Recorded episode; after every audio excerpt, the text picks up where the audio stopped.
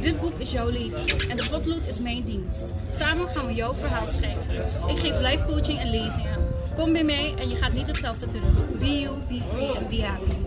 Froze Amsterdam heeft als doel een speciale dag nog net wat specialer te maken. Onze ijsbarista's scheppen met precisie een ijsje in de vorm van een roos. En zijn pas tevreden als iedereen op het evenement met een glimlach rondloopt. Dat waren twee studenten van de Minor Ondernemerschap en zij wonnen de pitch battle bij ons op Instagram. En als beloning mogen zij hier vandaag in de studio nog even doorpraten over de bedrijven die zij aan het opstarten zijn. Ook Rutger Siebenga, de coördinator van die Minor, zit erbij. En we bellen straks ook nog even met Ingrid Wakke, want zij heeft een speciale regeling voor studenten met een succesvolle onderneming.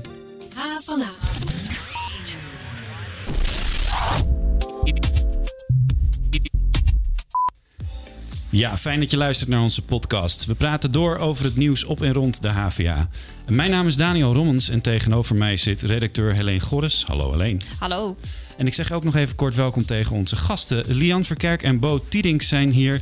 En Lian, jouw bedrijf heet Beautiful Destinations Coaching. Ja, live coaching. Uh, hoe kun jij life coach zijn als je aan het begin staat van jouw nog heel lange leven, hoop ik? Ja, um, nou, ik ben nog steeds volop in ontwikkeling en dat klopt uh, inderdaad. Um, hoe kan dat? Gewoon ja, uh, door zelf in ontwikkeling te zijn en uh, te uitvoeren. De kennis die ik krijg, delen. Heel goed, heel ja. goed. En Bo, jij hebt samen met jouw medestudenten het bedrijf Froze Amsterdam. Wat yes. kost zo'n ijsje in de vorm van een roos bij jullie? Oeh, dat ligt eraan. Uh, we hebben namelijk twee verschillende groottes. We hebben een uh, medium, een medium en uh, een iets kleinere. Maar die medium die gaat voor 4,50 en de kleine voor 4 euro. Oké. Okay. Nee, 3,99. Oké, okay. oh ja, ja, dat is heel belangrijk. Ja, die, die truc heel die ken goed. ik wel. Ja. Rutger Siebenga, jij coördineert de minor die deze studenten motiveert om dit soort ideeën te bedenken. Worden al die ideeën ook echt een bedrijfje bij jouw minor of sneuvelt er ook veel? Um, ze worden in eerste instantie allemaal een bedrijfje. Ja. Echt Shell ingeschreven? Uh, de meeste, ja, de okay. meeste, de meeste. Het hangt een beetje af van het idee waarmee ze beginnen. Als het heel groot is, dan komt het wij spreken tot een bepaalde prototype en dan ja. is inschrijven niet nodig. Maar de meeste schrijven zich in. Eh, maar uit, na, die, na het half jaar maken ze natuurlijk ook zelf de balans op van... hey, gaan we hiermee verder? Is het de moeite waard? Ja. Is de kans zo groot als we hadden gedacht? Ja, en ja. ja. dan gaat 10, 20 procent door. Kijk aan, nou daar gaan we straks over doorpraten. Um, maar uh, uh, ja, want jullie krijgen straks dus de kans om gratis reclame te maken voor jullie ideeën.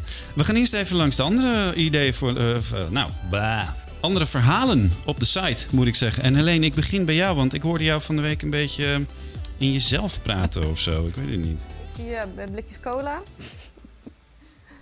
Krijgen jullie nou ook wel eens klotsende oksels en zweethanden als je denkt aan presenteren voor een groot publiek? Je bent zeker niet de enige. De medewerkers van studentenzaken op de HVA die helpen studenten die last hebben van presenteerangst. Tegenwoordig doen ze dat met behulp van virtual reality. Gaan ze niet klappen voor bij deze rechters. dat kunnen ze. Mooi.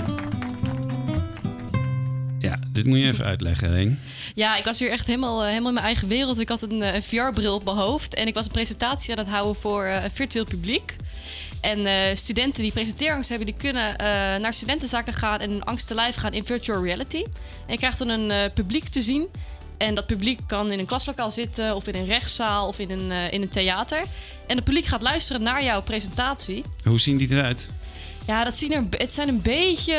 Het lijkt een beetje op de Sims, hoe de Sims er vroeger uitzag. En ik heb oh ja. ook in een theater gestaan en daar zat één iemand op de eerste rij en die keek een beetje als een zombie. Dus het, het kan nog iets echter. Dat, mm -hmm. dat vind ik wel. Um, maar het werkt wel heel goed om uh, je eigen presentaties te oefenen. En naast dat oefenen kunnen er ook een soort van doemscenario's worden nagebootst. Dus bijvoorbeeld als jij aan het praten bent dat mensen op een telefoon zitten te kijken... of een blikje cola aan het openen zijn... of dat ze door je heen zitten te praten. Uh, de medewerkers van studentenzaken die kijken dan via een speciaal programma met jou mee... En in dat programma kunnen ze kijken uh, wat jouw houding is als je aan het presenteren bent, hoe je je stem gebruikt en ook of je je hele publiek probeert te betrekken in je verhaal. Of dat je eigenlijk oogcontact maakt met maar één iemand. Ja, hey, maar dat, dat kunnen zij toch ook gewoon zien als jij voor hen in dat zaaltje staat? Ja, dat kunnen ze wel zien, maar ze kunnen het met, die, uh, met virtuality echt meten. Dus ze kunnen ook meten uh, of jouw stem omhoog gaat of naar beneden, of dat jij ergens stiltes laat vallen tussendoor. En aan de hand daarvan kunnen ze zeggen, nou, Uh, je, je praat echt door als een sneltrein. Uh, je moet wat meer pauzes nemen. Dus het, uh, het, is iets geavanceerder, zou ik zeggen. Ik denk dat wij langzamer moeten praten allemaal als we daar langs gaan. Ja, dat was bij mij ook het kritiekpunt. Houding ja. en zo was wel goed, maar je praat wel te snel. dus het moet, okay. het moet, iets langzamer. Hoe is dat bij jullie? Want jullie moeten denk ik ook wel presenteren als je je bedrijf gaat pitchen. Ja. Worden jullie er zenuwachtig van? Uh, ja, nou, voor mij is het wel vaak aan het begin eventjes dat ik wel echt even zenuwachtig ben. Ja. Maar zodra je er staat, uh, dan gaat het eigenlijk een beetje weg en dan moet je gewoon gaan. Gewoon doen en uh, dan werkt, dat werkt bij mij altijd het beste. Ja. Niet, heel, niet te goed voorbereiden, want dan ga je twijfelen in je hoofd. Maar uh, gewoon zeggen wat, je opkom, wat in je opkomt en gaan. En als je weet waar je het over hebt. Precies. Precies, ja. En voor mij is het ook genieten. Als ik geniet, ja? ja, als ik geniet, dan um, gaat het, komt het wel goed uiteindelijk. Nou, ik zie jullie niet zo uh, snel met zo'n VR-bril uh, staan, geloof ik. Hey, dan was er ook nog uh, heel goed nieuws voor de deeltijdmaster Occupational Therapy. En dat is ergotherapie in het Nederlands van de HVA. Want deze vervolgstudie van de bachelor erg ergotherapie is dit jaar beoordeeld met een dikke 8,4 in de HBO-keuzegids. En het is daardoor de beste master binnen de gezondheidsvakken. En waarom is dat nou? Nou, studenten zijn gewoon heel erg tevreden. En uh, de kansen op de arbeidsmarkt zijn hoog. Um, het is misschien ook wel de meest internationale master van de HVA, want uh, bijna elke module krijgen de studenten twee weken les in een andere Europese stad. En daardoor zijn ze tussen vijf en negen hard aan het werk op de plaatselijke universiteit. Maar voelt het in hun vrije tijd, net alsof ze op vakantie zijn. Zo vertelde een van de studenten. Klinkt niet gek, toch, jongens? Nee. nee. nee, uh, je moet wel over een aardige bankrekening beschikken, dus uh, goed doorsparen met jullie bedrijven. um, want het collegegeld is gewoon hetzelfde als bij de andere masters, maar studenten moeten wel zelf hun verblijf plaats en vliegtickets boeken. En dan, Helene, deze zaterdag is het weer. Koningsdag. Koningsdag. Wat ga jij doen? Ik ga lekker met een paar vriendinnen naar de Jordaan. Een beetje bier drinken en uh, marktjes afstruinen. ja, koop je altijd heel veel? Of, uh... Nou, ik ben niet zo'n horder, dus uh, ik, ik koop niet zo heel veel. Maar ik heb een vriendin die dat wel heel erg is. Dus ik ga ook met haar mee. Dus dat wordt, dat wordt waarschijnlijk veel te veel kopen en niet, nooit iets gebruiken. Maar het is gewoon heel leuk. En jij gaat natuurlijk voor 2,50 mensen levensadvies geven in, ergens in Amsterdam, of niet? Um, nee. Of ben nee. je duurder? nee, um, ik moet gewoon werken. Okay. Ja, dus, uh, maar daarna ga ik wel de stad in. Dus ja, uh, ja eerst werken. En, en dan... waar kunnen we die heerlijke ijsjes uh, eten? nou, zoals jullie misschien al weten, het wordt 14 graden met regen. Dus ik denk niet dat er veel ijsjes gaan verkocht worden dan. Ah, maar nou, ik ga zelf de hele dag op een boot staan. Dus ik word ook goed nat geregend. Heel goed. goed. Um, weet iedereen eigenlijk wel wat we vieren met Koningsdag? Onze collega Kiri Stuy die vroeg het aan studenten op de campus. Nou, Koninginnedag was natuurlijk de verjaardag van Beatrix. Wim Lex is die jarig geloof ik dan, of wel? Daar, oh wel, nou, waarschijnlijk de verjaardag van Wim Lex. Wat vind jij eigenlijk van het Koningshuis? Is dat nog van deze tijd? Ah, ik vind het prima, ik vind het wel mooi. Ik vind voornamelijk dat er heel veel geld in weggesluist wordt zonder dat uh, het volk er wat van terug ziet. Het zijn toch tradities? Ik vind het wel leuk allemaal, die prinsesjes en... Maar nee, ik, ik, ik heb er niet zo heel veel mee. Wat denk jij, zouden we niet bijvoorbeeld een president moeten hebben? Geen van beide. ik weet niet. Helemaal niks. Uh, ja, laten we gewoon geen wetten meer. Geen regels. Ja, nee, uh, lastig. Ik, ik zou het eigenlijk een beetje anti, maar wel, wel Koningsdag vieren. Ja, tuurlijk. Uh, bier en gezelligheid, daar gaat het om. Nou, bier en gezelligheid, je hoort het. Daar gaat het om.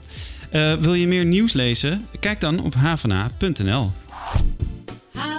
Waarom is dit onderwerp juist nu zo actueel? Maar zouden die HVA'ers niet ook boos moeten zijn? Uh, ja, eigenlijk wel. Ik vind het niet heel professioneel om mijn bestuursgenoot in de pers af te gaan vallen. Waarom gaat er zoveel geld naar jouw onderwijs? Nee, niet zoveel vragen hoor. Wil je niets missen van het nieuws en de verhalen van de campus? Schrijf je dan in voor de nieuwsbrief op havana.nl. Kun je leren om ondernemer te worden of moet je daar een aangeboren talent voor hebben? Nou, normaal gesproken zou ik hier nu een leuk stukje tekst hebben waarin ik het belangrijkste onderwerp van deze podcast aankondig. Maar ik kan de vraag misschien maar beter stellen aan onze gasten, Lian, Bo en Rutger van de Minor Ondernemerschap. Wat denken jullie? Talent of kun je het gewoon leren? Um, ja, ik denk persoonlijk dat je het wel kan leren.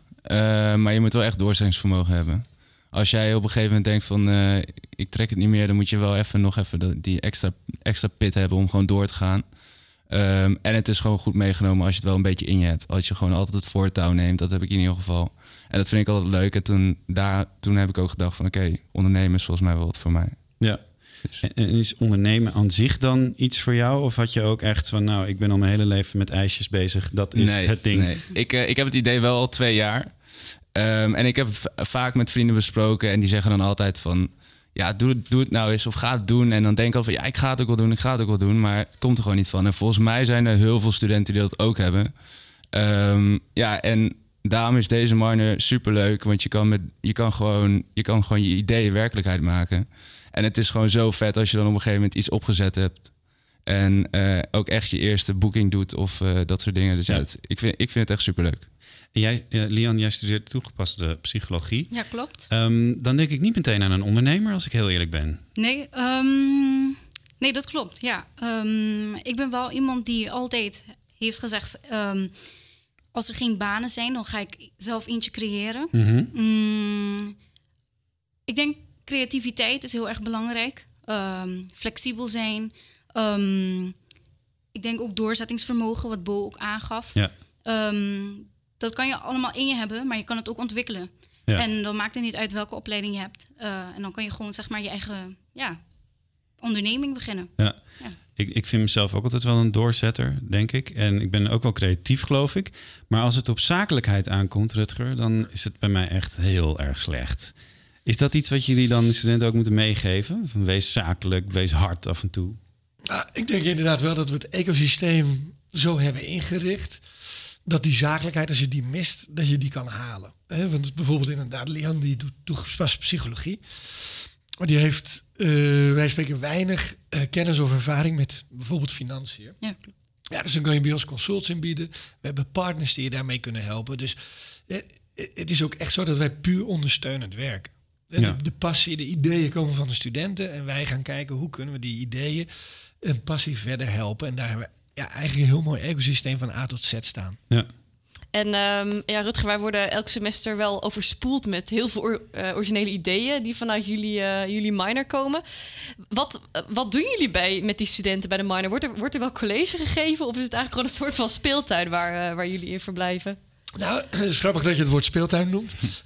Want in onze zeg maar, visie noemen we onszelf inderdaad dat het een serious playground is. En worden er colleges gegeven? Ja.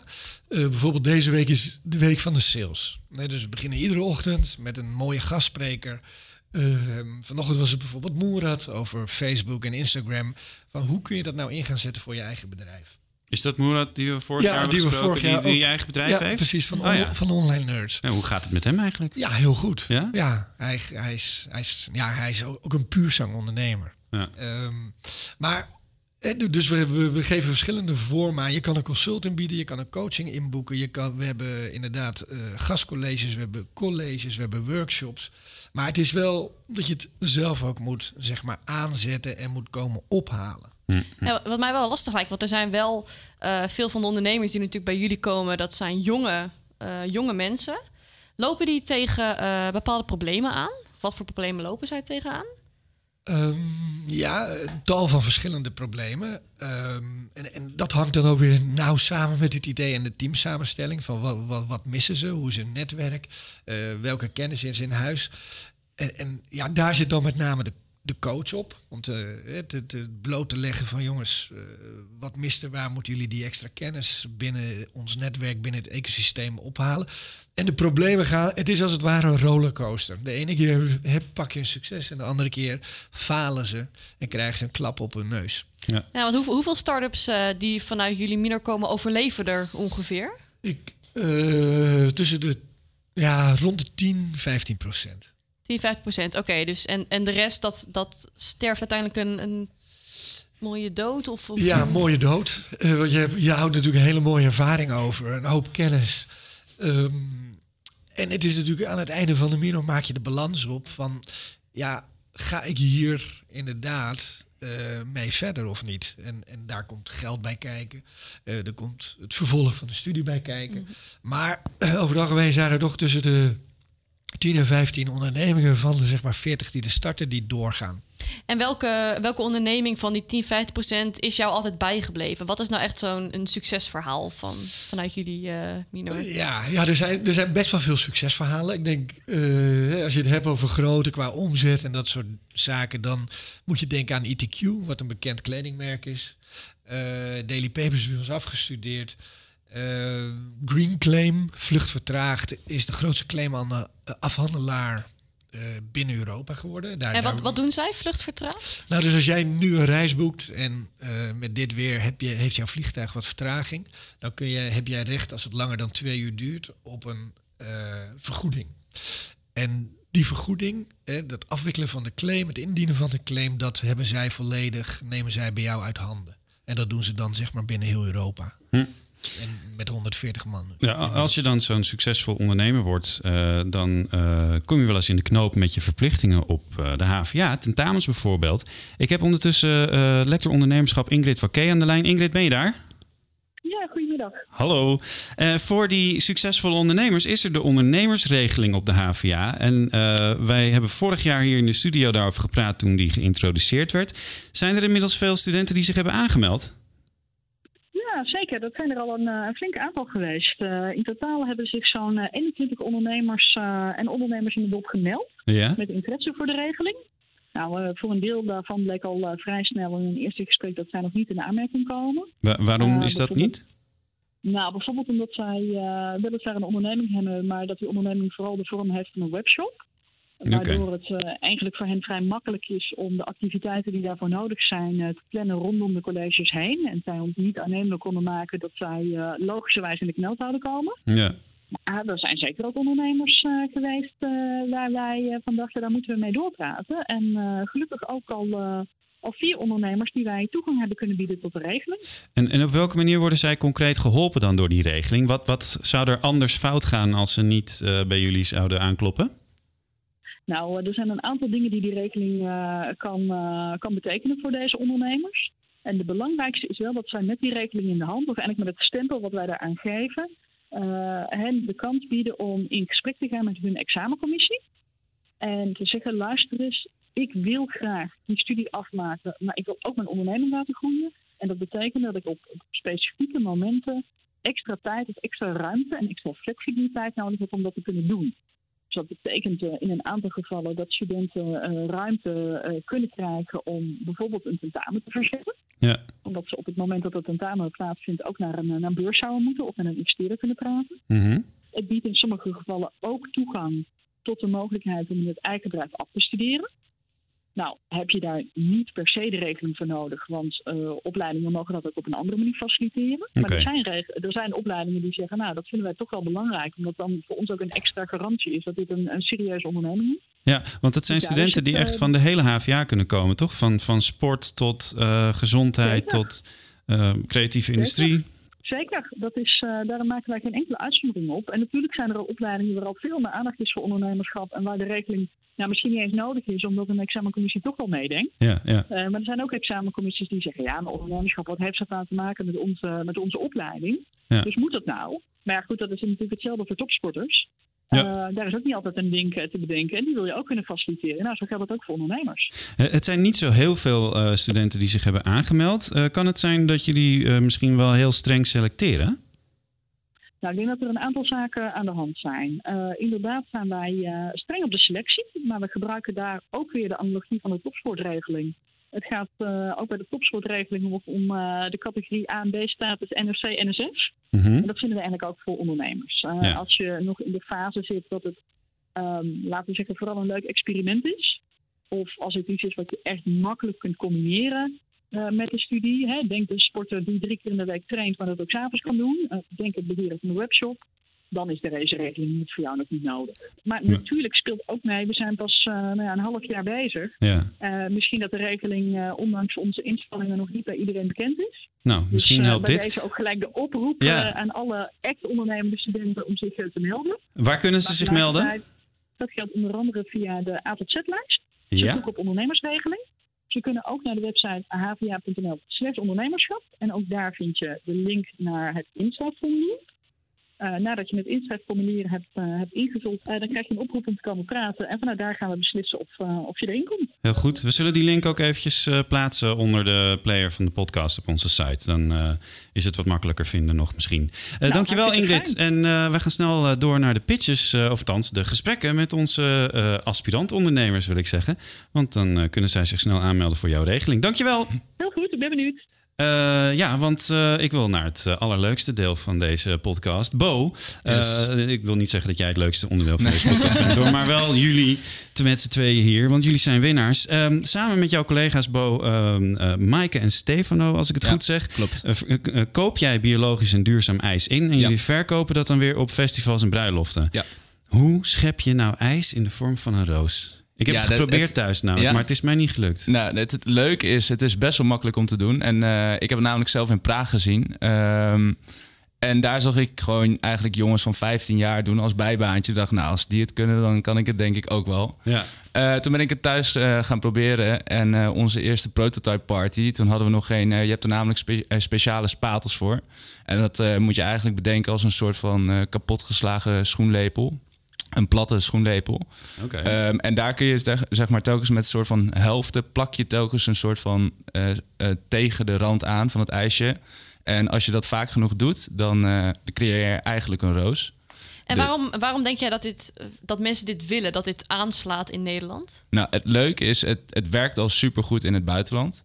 Um, en in Nederland is het gewoon nog niet. En we hebben nu al best wel wat sales gedaan. We hebben veel werkplanners opgebeld. We hebben het idee voorgelegd foto's gestuurd. En ja, iedereen is echt super enthousiast erover. Dus het is heel erg leuk.